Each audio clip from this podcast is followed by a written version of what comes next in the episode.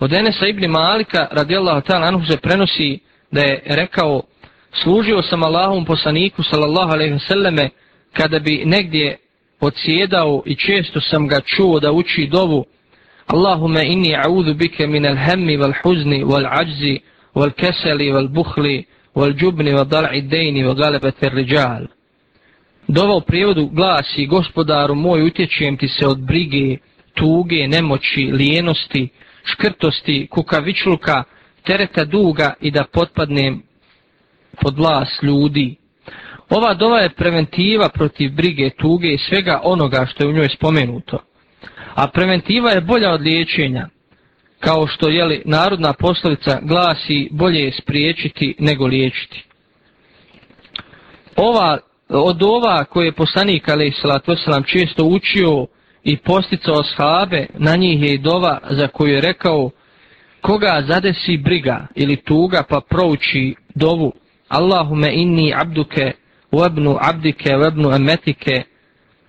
Nasijeti bijedike madin fije hukmuke adlun fije kadauke es'aluke bi kulis min huve lek semmejte bihi nefsek au anzeltehu fi kitabik au allemtehu ahadan min halkik au ista'tharte bihi fi ilmi l'gajbi indek أن تجعل القرآن ربيع قلبي ونور صدري وجلاء حزني وذهاب همي Kaže, ko proći ovu dovu, Allah će mu sigurno otklonuti i brigu i tugu i umjesto toga mu dati olakšanje. Hadis bilježi Ahmed u svome musnedu i hadis je vjerodostojan.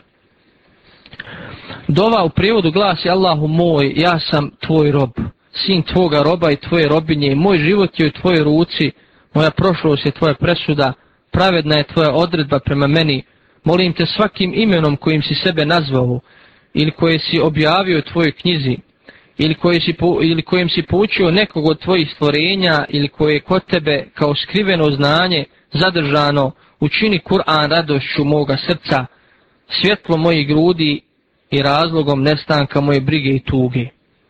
Znači ova dova se koristi nakon što nas zadesi briga ili tuga. I svakom muslimanu koji čusto vjeruje u poslaniku, ali i to se nam riječi, Allah će mu ovom dovom otklonuti svaku brigu i svaku tugu.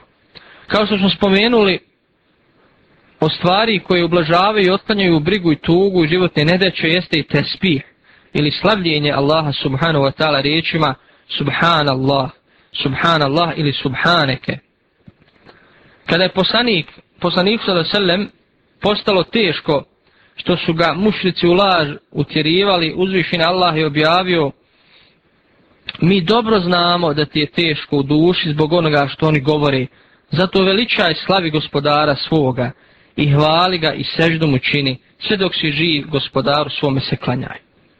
Znači ovdje je poslaniku a.s. nam naređeno da čini tespih. I Yunus a.s.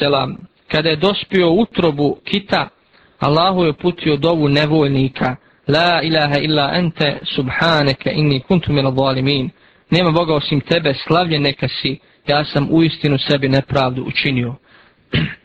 Postoje mnoge druge poslanikove dove koje se koriste kao preventiva ili lijek za tugu, brigu i druge životne nedeće, a koje možemo naći u vjerodostojnim izbirkama dova, od kojih je prije svega najpoznatija dova Hisnul Muslim ili zaštita svakog muslimana.